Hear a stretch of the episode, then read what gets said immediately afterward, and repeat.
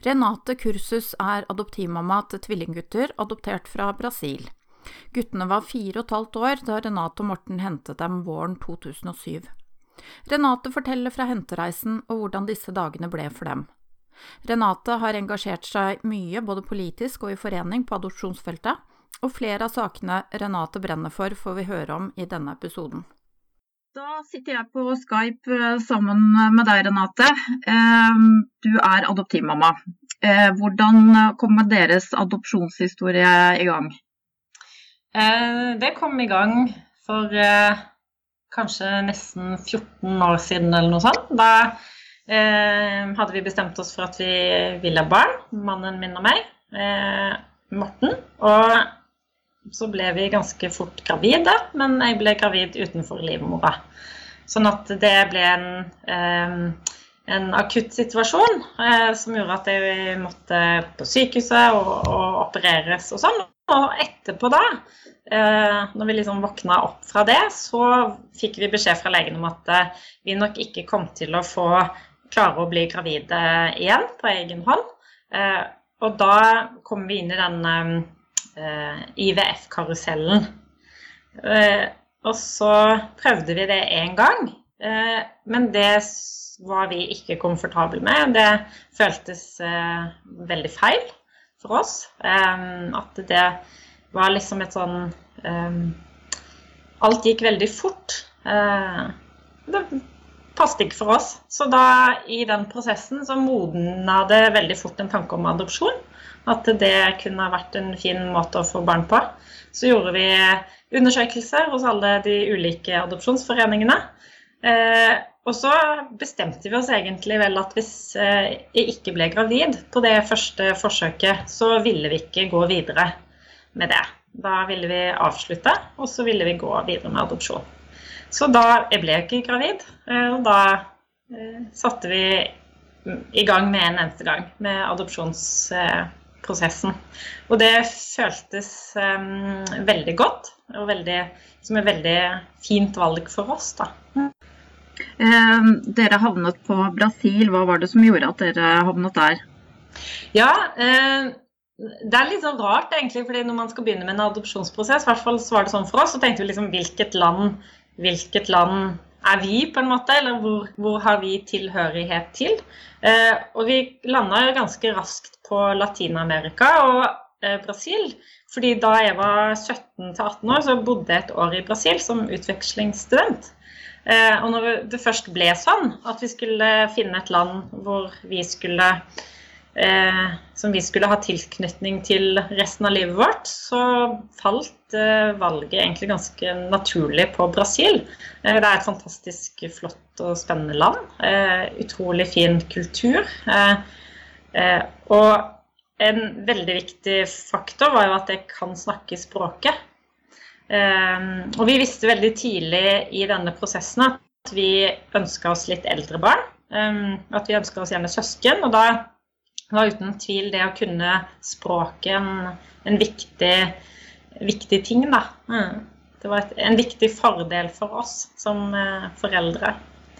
Og så var det på den tiden bare én adopsjonsforening som um, eh, formidla adopsjoner fra Brasil. Så da ble adopsjonsforeningen i Noradopt. Mm. Snakker både du og mannen din uh, portugisisk, blir det jo, i Brasil? Nei, han, han, gjorde ikke det. Men han lærte seg ganske fort eh, litt grann når vi var i Brasil. Men da vi landa i Brasil, så var det kun jeg som eh, eh snakka portugisisk. Mm.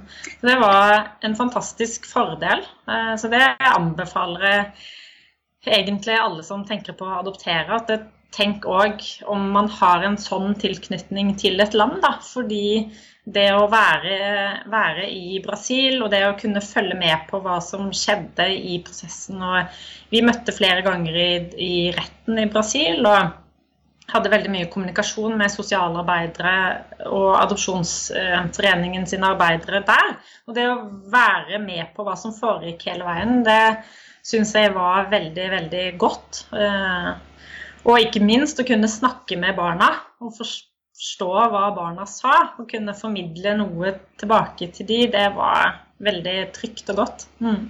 Da vi reiste til Colombia, så er det sånn i Colombia at du vet ikke hvor lenge du kommer til å være. Er det noe lignende i Brasil? Ja, eh, i Brasil, både ja og nei. For i Brasil så var det sånn at eh, hvis barnet var under tre år, så var det sånn minimumstid på 15 dager du måtte oppholde deg i landet.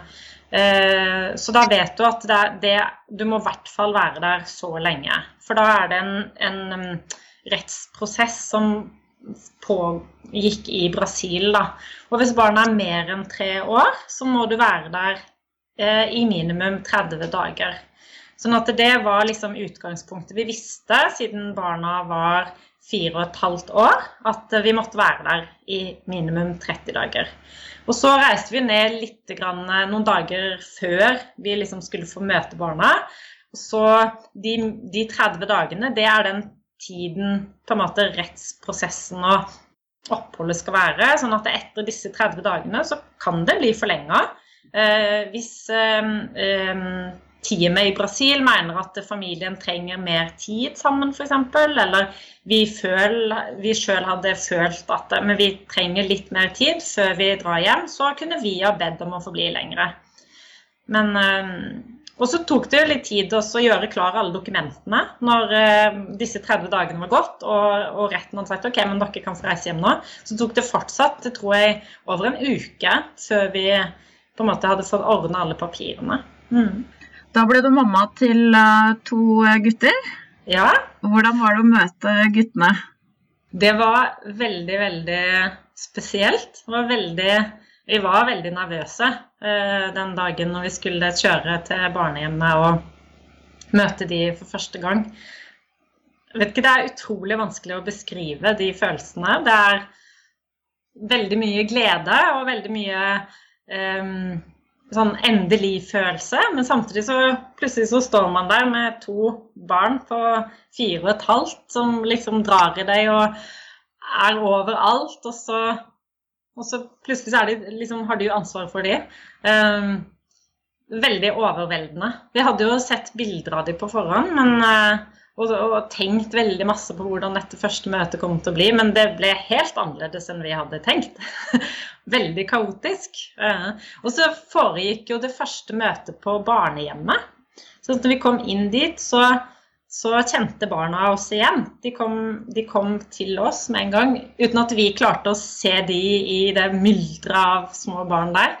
Um, men det var så mange andre ting som skjedde der òg. Det var masse, masse, masse andre barn rundt oss, og så skulle man liksom konsentrere seg om barna, men så ville man konsentrere seg om de voksne som var der, som kunne formidle viktig, viktig, viktig informasjon om barna sin hverdag. Og jeg tenkte mye på at jeg måtte suge til meg alt derfra, sånn at jeg seinere kunne på en måte fortelle barna våre om det første møtet og hvordan det så ut der og, og sånne ting. Men eh, ja, det var fantastisk. Mm. Hadde du og mannen din forberedt dere litt på forhånd i og med at dere visste at barna var da fire og et halvt år gammelt, av hvordan dere skulle tilnærme dere litt eldre barn? Ja, vi hadde tenkt masse på dette. Og vi hadde eh, mye erfaring med barn fra før. Jeg jobba med barn og hadde gjort det i mange år. Og eh, vi, hadde, vi, hadde, noen tante- og onkelbarn som vi, og noen andre barn eh, i, i, vennekretsen vår som vi hadde mye omsorg for. Eh, sånn at vi vi hadde fått eh, noen år til å virkelig tenke ut hvordan vil vi ha det i vår familie, og hva er viktig for oss eh, når vi får våre barn. Så vi hadde vel eh, lagt noen sånne små strategier på ok, hvordan gjør vi dette her, hva, hva, liksom, hva blir viktig, og hva skal vi fokusere på. Men samtidig så blir det òg du kan jo ikke vite hva som skjer når du møter barnet ditt for første gang. Og her møtte vi jo to kjempeviltre, aktive gutter.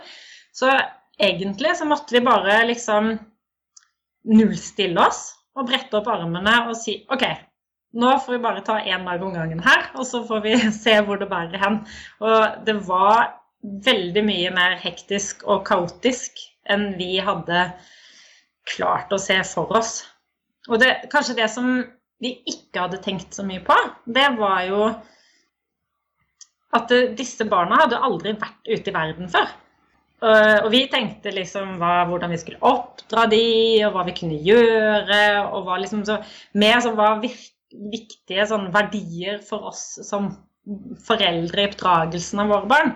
Men det vi ikke tenkte på, det var liksom gjør, hvordan møter du to barn som aldri har vært ute i livet før, som er fire og et halvt år gamle, som aldri har eh, vært et annet sted enn på det barnehjemmet, eller i hvert fall ikke kan huske noe annet sted. Sånn at eh, der måtte vi liksom nullstille all tenkningen og bare ta det som det kom. Eh, og oppdage verden sammen med dem på en måte, da. For når dere fikk barna på barnehjemmet der, så var dere over en måned i eh, Brasil etter det med barna? Mm, ja, da var vi det. Og da, de første dagene så kom vi oss ikke noen steder. Da, da handla det bare liksom om å eh, spise, sove, prøve, liksom forstå eh, barna, hva de gjorde, hva de kommuniserte. Redde de fra farlige situasjoner inne i leiligheten der vi bodde. ikke sant? De hadde jo ikke sett noen ting. Altså Alt vi hadde med fra Norge, sånn leker, ting, klær inventar i leiligheten. Det måtte liksom ryddes bort, fordi vi det ble altfor mange inntrykk for det. Så de første tida den handla liksom bare om å få ro og få noen sånne rutiner i løpet av dagen. Da. Men etter hvert så tenkte vi jo eh, klær til barna. Vi måtte jo ut og handle litt av og til. Eh, gjøre sånn praktiske ærender. Og da da ble det et prosjekt i seg sjøl, hvor hun skulle få til alt det med disse viltre barna. Eh, og så begynte vi sakte, men sikkert å eh, forstå de og få en sånn hverdagsrutine der, da. Eh, og så etter hvert som uken gikk, så begynte vi å forberede de på at de, vi skulle faktisk reise et annet sted. Og bare det var en lang prosess i seg sjøl. Å få de til å forstå hva som egentlig var på gang, da. Mm. Så er det hjemreise til Norge og møte familie og venner. Det også er en rar prosess. Ja, det er òg en, en, eh, en, prosess som ikke bare vi har venta på i mange år, men som jo familie og venner eh, og kollegaer og alle har på en måte fulgt òg nært i mange år. Så de, det var mange hjemme i Norge som eh, var veldig spente og gleda seg veldig til å, å møte oss. Eh, det var fantastisk oppmøte på Gardermoen når vi kom trillende ut fra, fra, på, med ungene der. Eh, veldig flott. Men vi, vi brukte en god del tid på å tenke ut hvordan vi skulle møte alle disse, og hvordan de skulle møte barna. Fordi eh, vi eh, jobba veldig mye med tilknytning. Eh, vi hadde to barn som eh, hadde og har relasjonsproblematikk. Altså tilknytningsskader. Og da ble det et veldig viktig tema for oss. da. Vi brukte mye tid på å tenke ut hvordan skal vi gjøre det når vi kommer hjem, og hvordan skal vi få en så god tilknytning til våre barn som mulig. Og i den prosessen så ble på en måte vår tilknytning til barna eh, det aller viktigste. Og så måtte liksom på en måte behovet til eh, både besteforeldre og tanter og onkler og venner komme litt i, i bakleksa, på en måte. Altså de måtte, de måtte vente. De måtte komme lenger ned på i køen. Så vi endte opp med å lage en liten sånn strategi for det. Og så sendte vi mail til familien vår om hva som ble viktig når vi kom hjem, og hvordan man skulle møte barna, eh, og hvorfor det var viktig. F.eks. dette her med at det er, eh, var vi som skulle trøste barna, vi som skulle gi dem mat, det var vi som skulle stelle dem. Altså alle disse sånn Altså disse nære relasjonstingene Eh, var det vi som skulle gjøre. Da. Og vi var ganske strenge på det. Eh, kanskje noen syntes det var veldig rart og veldig vanskelig å forholde seg til, men vi var veldig opptatt av at eh, ingenting skulle forstyrre den relasjonen vi skulle bygge med disse barna. Da, eller den tilknytningen. Og det, mm, familien vår respekterte veldig det. Men det var kanskje også fordi vi var veldig klare og tydelige på hvordan det skulle være, og hvorfor. og sakte, men sikkert så på en måte fikk, eh, fikk de, våre nære familie og venner være, bygge sin egen relasjon til barna. da. Mm. For her, etter at du ja. kommer hjem, eh, Renate, så blir du også veldig aktiv i uh, politiske saker og, og, sånn. Jeg har lest veldig flere innlegg som du har skrevet. Mm. Eh, og så snakket vi litt før vi begynte nå om den her med hvem som eier historien. Mm. Uh, når det gjelder det, ja. et adoptert barn.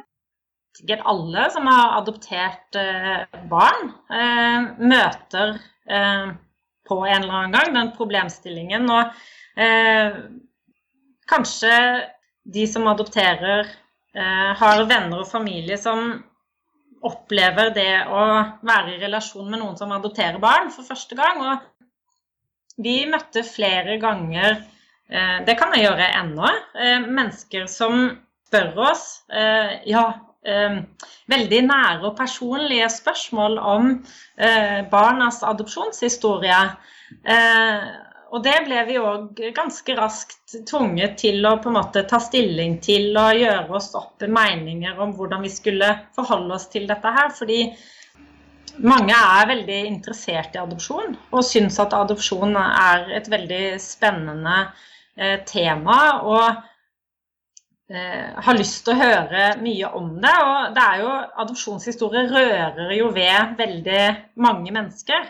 Eh, sånn at det, mange kan komme til å spørre spørsmål som ja, lever de biologiske foreldrene? Hvordan var det? Altså hvorfor ble de adoptert? Altså masse sånne ting som egentlig bare er i beste mening og um, ut av interesse og engasjement og omsorg. Uh, men så blir det noen spørsmål som blir eh, så eh, private at vi tenker at det, kan jeg ikke snakke med deg om. Fordi det er ikke din historie, det er barna sin historie. Og det er heller ikke vår historie, på en måte.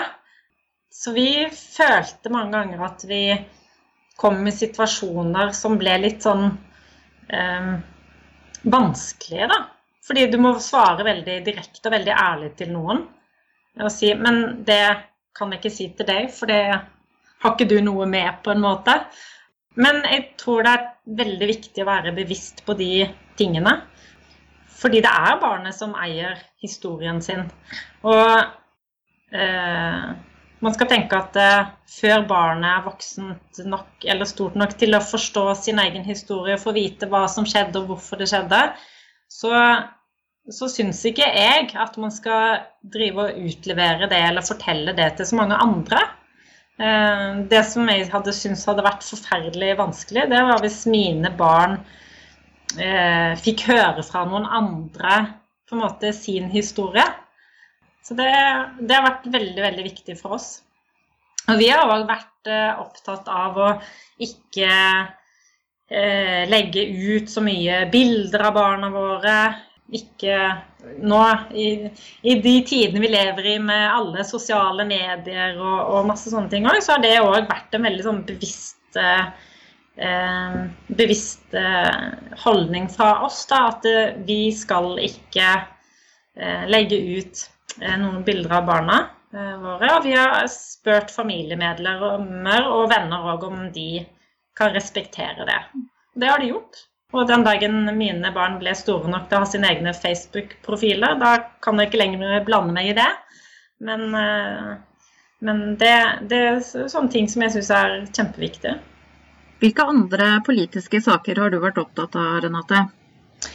Jeg har eh, jobba Altså mitt, eh, mitt, eh, engasjement det starta jo i en forening som heter Ønskebarn.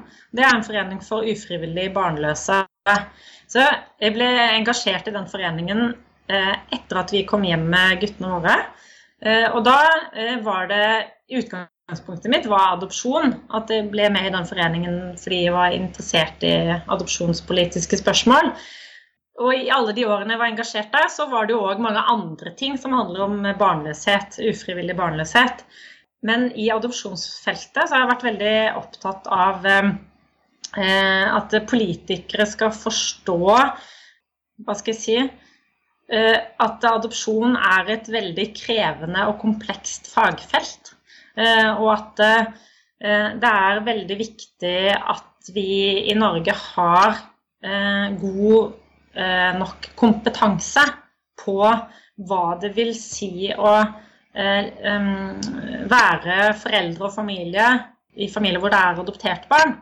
Og så har jeg vært opptatt av at det skal være gode vilkår for de som vil adoptere. Altså økt adopsjonsstøtte. Det er veldig, veldig kostbart å adoptere. Så det har jeg jobba veldig masse med. Adopsjonsstøtten skal økes. Og Så har jeg vært med og jobba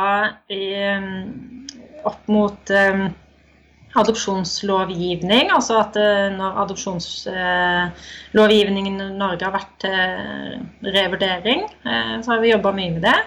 Og så er det jo mange problemstillinger som dukker opp i forhold til dette her med innenlandsadopsjon, ikke sant. Adopsjon som et tiltak i barnevernet, f.eks. Ikke sant. Ja. Det er mange, mange spennende felt, men jeg syns nok at det går litt sakte eh, på dette feltet. Mange av de temaene som vi diskuterte eh, for ti-åtte år siden, er på en måte fortsatt eh, Det humper og går, liksom. Mm. Og så har jeg vært opptatt av å jobbe med myndighetene, altså barnevernet og, og litt sånn i forhold til adopsjonsforeningene, om dette er med utredning av adopsjonssøkere. Når man står i kø og skal bli utreda av eh, barnevernet. Eh, hvem, eller har de som utreder òg et ansvar for å gjøre søkerne nok oppmerksom på hva det innebærer eh, med adopsjon? Da. Altså dette her med søskenadopsjon f.eks., adopsjon av eldre barn, at det skal ikke tas lett på. Ehm, at eh, det er veldig viktig at de som eh, søker om søskenadopsjon og adopsjon av eldre barn, vet eh, og blir nok forberedt på hva det kan bety. Tenker du da mer et obligatorisk kurs for adoptivforeldre? Det er det jo. I dag, og de senere i mange mange år, så har det jo vært obligatoriske sånn adopsjonsforberedende kurs. Det var kanskje dere på? Ja. ja. Vi var ikke på det, fordi da når vi var i vår adopsjonsprosess, så var ikke det obligatorisk. Det var ikke en del av den, de tingene du måtte gjøre for å bli godkjent eh, for adopsjon. Eh, man kunne hvis man ville, og det var veldig lange ventelister. sånn at vi fikk aldri plass vi på et sånt kurs. Eh, men jeg tenker mer på at det må De som jobber med å utrede adopsjonssøkere, de må eh, tørre å problematisere eh, noen av disse temaene, da. Altså sette det på dagsorden. Eh, virkelig utfordre adopsjonssøkerne på det. Eh, og, og på en måte være tøffe nok i det å si at eh, men kanskje dette ikke passer for dere. For eksempel, da. Eh, men jeg tror jo at eh, hvis eh, Eller når de adopsjonsmyndighetene får et økt fokus på hva det faktisk kan bety å få to barn som er kanskje opp mot skolealder og eldre enn det, inn i familien. De som utreder, må òg ha kunnskap om hvordan det kan bli. Eller hva som kan møte familien med disse barna, når de vet nok om det, så kan de òg utfordre adopsjonssøkerne på en annen måte. Hvordan eh, opplevde du det i din prosess? Følte du at det var noe kompetanse der, eller ble du ikke forberedt som du tenker du burde blitt? Altså, når vi og Morten eh, ble utreda for eh, adopsjon, så var det en prosess som så Det er mange mange år siden. sånn at eh, den utredningsprosessen den var lagt opp annerledes da enn det er nå. Og det gikk veldig fort eh, med oss, fordi vi kom inn i en bydel i Oslo hvor det var ledig kapasitet. Sånn at det, eh, hun som vi fikk som saksbehandler, hun hadde ingen andre adopsjonssaker på bordet sitt da. Sånn at hun hadde ledig tid i sin kalender. Og vi brukte vel i underkant av et halvt år på, på en måte hele den fra vi kontakta barnevernet første gang, til de sendte sin rapport til um, Bufetat Eller vi sendte alle papirene våre til Bufetat, da. Så vi hadde mange møter med, med hun dama, og vi syns den gang da at hun utfordra oss veldig. Eh, og, og vi sa at vi ville ha eldre barn, at vi ville ha søsken. Og da var vi ganske unge. Så jeg tror liksom det var på en måte den største utfordringen vi møtte. Eh, det var at vi var veldig unge da, til å eh, søke om eldre søsken. Men hun problematiserte veldig mye dette med eh, at barnet ville være annerledes på skolen. Altså dette her med mobbing og det å være eh, annerledes og det å ha en annen bakgrunn når barnet kom liksom opp i tenårene, det var på en måte det som ble problematisert. da. Hvordan vi ville eh, håndtere det, og hvilke tanker vi hadde rundt det, og, og hvilke tanker vi hadde rundt det å oppsøke hjelpeapparatet. Og da følte vi at hun testa oss litt og, og, prøvde liksom å finne ut om hun fikk oss til å nøle. Og, og vi kanskje skulle tenke uff, dette var kanskje ikke noe for oss, liksom. Men vi var veldig sånn fastbestemte på dette her. Det, dette skal vi, og det, vi er seriøse i dette her. Og så fort hun skjønte det, så på en måte så utfordra hun oss ikke så veldig mye mer på det. Jeg tenker at um, i større grad så skal man utfordres på tilknytningsproblematikk eh, og hvordan man i familien skal håndtere barnets tidligere opplevelser. Og så syns jeg at man skal utfordre søkerne mer på og det gjør de kanskje nå òg. Eh, dette har jo vært et tema som har vært oppe til diskusjon i mange år. Altså Man skal utfordres mer på hvordan vil vi takle tøffe, vanskelige ting, da. Eh, jeg tror at uh, man må For å klare å sette seg inn i sånne situasjoner, så må man kanskje òg bli presentert for noen sånne caser. Ikke sant? Noen eksempler på hva som kan skje, eller hvilke type utfordringer man kan møte. da. Men eh, så kan man jo snu litt på det. Så kan man si man kan som adopsjonssøker være veldig godt forberedt. Ha tenkt gjennom veldig mange ting. Men hva nytter det når hjelpeapparatet eller de som barna møter på sine eh, arenaer og plattformer videre i livet, ikke har den kompetansen som trengs for at barnet skal fungere utenfor familien òg? For det er jo òg et viktig tema. Barna skal jo begynne på, i barnehage, og barna skal jo begynne på skole. Og etter hvert eh, bli voksne. Men jeg tenker at adopsjonssøkere i Norge i dag må kunne være trygge på at de arenaene barnet skal oppholde seg på, òg har nødvendig kompetanse. Og det syns jeg nok ikke alltid at de har. Nei, Fra du eh, hadde din prosess, syns du det har vært en utvikling eh, som har vært i positiv retning? Både ja og nei. Det, jeg, det, har nok blitt mer bevissthet rundt det, fordi det òg blir Altså, det har vært mer fokus på det. Eh, og adopsjonsforeningene syns jeg har vært flinke til å kommunisere ut til barnehager og til skoler og hvordan møte adopterte barn, hvordan forstå adopsjonsproblematikk. Og flere av adopsjonsforeningene har jo, eller de har vel lagd i samarbeid eh, sånne hefter, ikke sant. Eh, adopterte barn i barnehagen, adopterte barn på skolen, masse sånne ting. sånn at det har nok vært større fokus på det, og på helsestasjonen. For det er jo noe som vi òg har eh, snakka om i i, i, disse miljøene hvor jeg har vært engasjert. Eh, hvordan skal helsestasjonene møte familier som kommer med adopterte barn? Og, og disse tingene her. Men det har nok skjedd mange positive ting innenfor dette her. Men samtidig så, så føler jeg på den annen side at, eh, at det er fortsatt flere store hull. Men kanskje det handler mer om når man trenger litt mer enn sånn, hva skal jeg si, hverdagshjelp, da. Eh, I barnehagene, hvis familien trenger, eller barnet trenger PPT, og litt sånn lavterskeltiltak, så er kompetansen god nok. Men i de situasjonene hvor man trenger, si, trenger en annen type hjelp, så eh, vil jeg nok kanskje si at eh, det er fortsatt litt mangelfullt en del steder, ja. Du var jo i mange år leder av Ønskebarn. Mm. Hvilke saker var det som ofte kom inn til dere? I forhold til adopsjon? Det var folk som kontakta oss, som var i en sånn Skulle bestemme seg for om adopsjon var noe for de, og få tips eller råd og veiledning i forhold til hvordan gå fram i prosessen.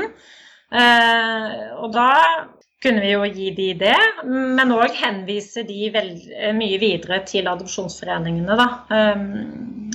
Eh, men så var det òg mye sånn eh, venteproblematikk. Altså sånn hvordan stå i ventetida, da. Mange tok kontakt med oss som søkte et fellesskap med andre i samme situasjon. Eh, på den tida jeg var aktiv, så hadde Ønskebarn et eh, veldig aktivt forum eh, på nettet. Hvor det var veldig høy aktivitet inn, mot, inn blant folk som sto i adopsjonskø. Da. Så veldig mye handla vel egentlig om et fellesskap i sammen med andre som var i samme situasjon. Men så er det jo klart at eh, en del opplevde en eh, utfordring i forhold til det her å være først eh, barnløse i mange år, og så, har, og så har vært i en sånn eh, assistert befruktningsprosess på en eller annen måte. Og så på en måte gå derfra videre til adopsjon. At det var mange som var i den fasen. da. Hvordan på en måte avslutte den prosessen med assistert befruktning, og så gå videre til adopsjon? Eh, det går jo igjen på mange av disse sakene her at det er kompetanse som eh, er mangelfull på veldig mange felt. Hvilket eh, fag på adopsjonsfeltet ligger da nærmest nå per i dag? Det er nok dette her med Jeg syns det er litt vanskelig å sette ord på det. Altså det, det handler om det handler om kompetanse. Om nok eh, kompetanse i systemet, altså i BUP, f.eks. barne- og ungdomspsykiatrien. Eh, nok kompetanse hos PPT til å klare å Veldig mye av tilbakemeldingen har vi sjøl opplevd da, har vært at men det meste ordner seg. Bare dere har, gir god nok omsorg og god, eh, mye kjærlighet, overøsende kjærlighet, så, så, på en måte så reparerer det det meste.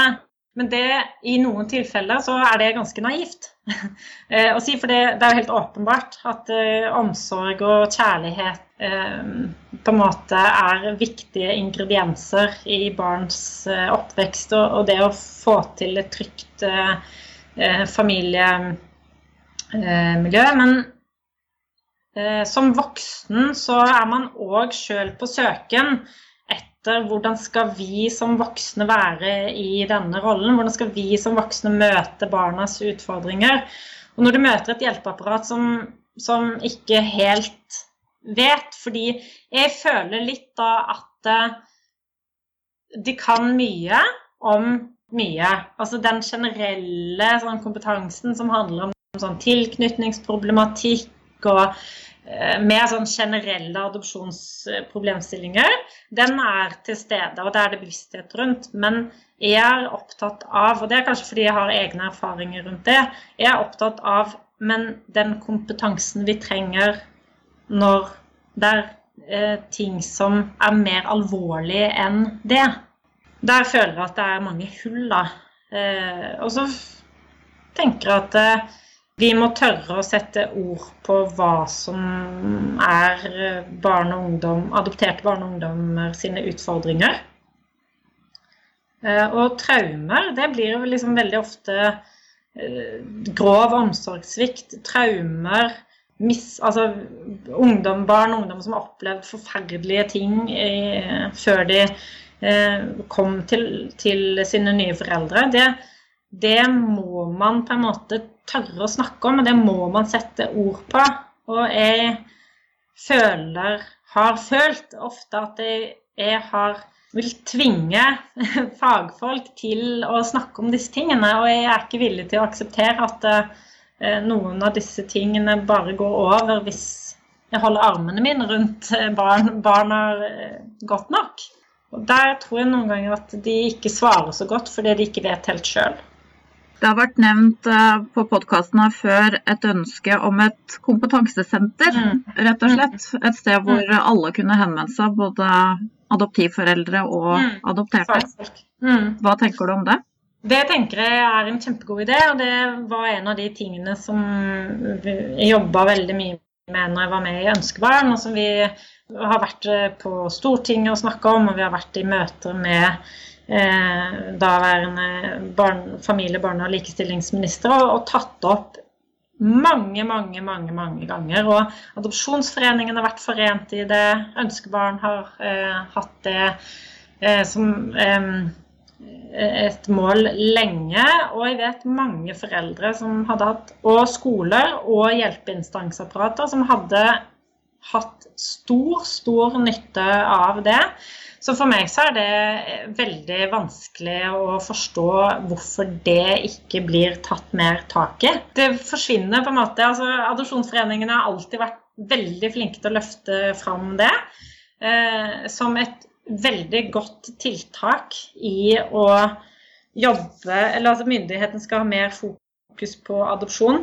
Men det forsvinner alltid, liksom. Det blir ikke noe mer. Det skjer ikke noe med det. og det det syns jeg er rart. Og en av de tingene som jo Altså Hvis man er opptatt av eh, å jobbe med politiske saker altså innenfor ett fagfelt, så har jeg noen ganger følt at det, du kan møte opp hos en minister på kontor og sitte og, og, snakke og diskutere og ha en minister som er veldig opptatt av mange av disse tingene. For så hadde, kom det jo i 2009 en NOU eh, fra dette HV-utvalget hvor Anniken Huitfeldt var barne-, og familie- og likestillingsminister. Og syns jeg gjorde en veldig god jobb på dette feltet her. Mange gode forslag til tiltak innenfor adopsjonsteltet i Norge. Og så kommer det en ny minister, og så på en måte pst, eh, rakner det på en måte. Og så kommer en ny minister, og så blir mange av de samme temaene satt på fokus igjen. Og så ja, bla, bla, bla. Og så skjer det ikke noe. ikke sant? Og sånn går, da går årene veldig fort. Og mange av de tingene som ble på en måte løfta fram i den NOU-en, det er veldig gode, konstruktive tiltak som fortsatt ikke er iverksatt i dag. Og én ting som det jo var politisk flertall på Stortinget for i mange, mange år, det var jo å øke adopsjonsstøtten, f.eks. Og likevel så skjer det ikke.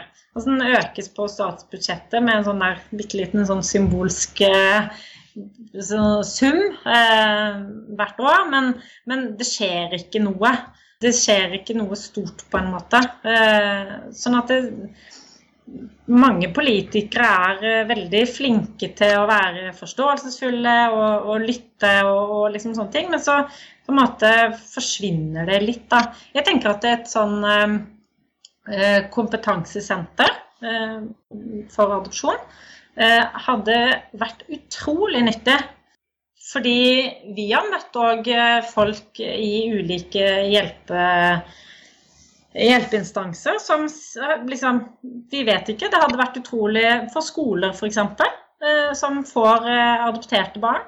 Som plutselig har litt utfordringer. Som kontakter PPT, som kanskje heller ikke har så mye erfaring med adopterte barn som hadde hatt så god nytte av å kunne henvende seg til et kompetansesenter hvor fag, fagfolk kunne på en måte være ressurspersoner. For det er ikke alltid de trenger å være så store eller veldig alvorlige ting. Men som lett kan på en måte løses ved å få tips, råd, veiledning. Og så kunne PPT gå tilbake til skolen og sagt men dette kan jobbes med på den og den måten. Hadde ikke trengt å bli så omstendelig eller komplisert eh, sak å få hjelp, da. Men jeg vet ikke hvorfor det ikke skjer. Kommer du til å fortsette å være like aktiv som du har vært i eh, adopsjonsfeltet? Eh, ja, nå har jeg vært litt, uh, litt stille fra meg en stund. Men dette er et tema som opptar meg, og som jeg sjøl har som en del av min hverdag. Sånn at jeg tror nok alltid jeg vil engasjere meg i disse tingene. Noen ganger så må man bare finne de rette kanalene å gjøre det i. Jeg er ikke lenger eh, med i Ønskebarn, i Foreningen Ønskebarn. Sånn at når jeg på en måte engasjerer meg, så blir det litt mer sånn eh, fra kjøkkenbenken, liksom. Jeg mener at det er utrolig mye mer som kan gjøres innenfor adopsjonsfeltet i Norge i dag. og jeg syns Adopsjonsforeningen gjør en fantastisk eh, god jobb eh, der. Og eh, adopsjonsforeningene har òg alltid vært veldig opptatt av eh, å formidle til myndighetene og de som jobber med adopsjon, at eh, man skal huske på at eh, adopsjon det er å overta omsorgen for barn som har tøffe livserfaringer. Og det kan ikke myndighetene i Norge ta lett på. Eh, og at det da skal være et støtteapparat og et hjelpeapparat rundt som har den kompetanse nok til å møte det, det skal man ta på alvor. De senere årene så har jo adopsjonstallene går ned, men det har òg uh, kommet flere eldre barn. Ikke sant? og søskenflokker til Norge. Og med det så kommer det òg annen type problematikk enn det gjør hvis du adopterer eh, yngre barn. Eh, F.eks. Eh, eh, barn som bare er noen måneder gamle når de kommer. Men veldig viktig, jeg har alltid sagt at det at man adopterer et lite barn på noen få måneder, betyr ikke at det nødvendigvis blir en familiesituasjon hvor barnet ikke får noen problemer. For det er nok en myte det at jo yngre barnet er, jo færre måte, utfordringer vil det barnet få. Det kan være ha opplevd mange vonde, vanskelige ting, selv om det bare er noen måneder gammelt, som kan være påvirke det barnet i livet og oppveksten senere. Sånn det er jo ikke bare familier som har adoptert eldre barn, som har utfordringer. Men det følger en annen type utfordringer med når du adopterer barn som skal rett inn i barnehage, og som kanskje skal til og med rett inn i skolen. Og det må, må man være oppmerksom på. Mm. Jeg husker en annen sak som vi var veldig opptatt av, som jeg òg vet at vi har snakka mye med Adopsjonsforeningen om. Det er dette her med um, helsestasjonene. Når du kommer med en treåring som er adoptert, eller en fireåring, fire og et halvt som vi gjorde da, og så skal du inn i helsestasjonen, og så har ikke helsestasjonen, eller hadde ikke, noe erfaring med adoptivbarn. Så de visste liksom ikke hvor de skulle plassere barnet man kom med, inn i helsestasjonssystemet. Og, og, bare det, som er en sånn liten ting, liksom. Altså mer Og det tror jeg nok det har blitt mer fokus på nå òg, da. Men Eh, da tilbake når vi kom med våre barn og skulle ha de på helsestasjonen, så var det liksom Dette går jo ikke, de passer ikke inn her. Vi, de har jo ikke vært der fra, fra fødselen av. Hva skal vi gjøre med det? Så sier jeg, men det får dere finne ut av. Her er to barn, de skal inn i helsestasjonssystemet. Inn i vaksineprogrammer, inn i alle de tingene der. Så det, finn ut av det. Eh, sånn at det bare, bare sånne små ting kan gjøre situasjonen lettere for familiene. Mm. Da vil jeg si tusen takk til deg, Renate, og for din historie og ditt uh, engasjement.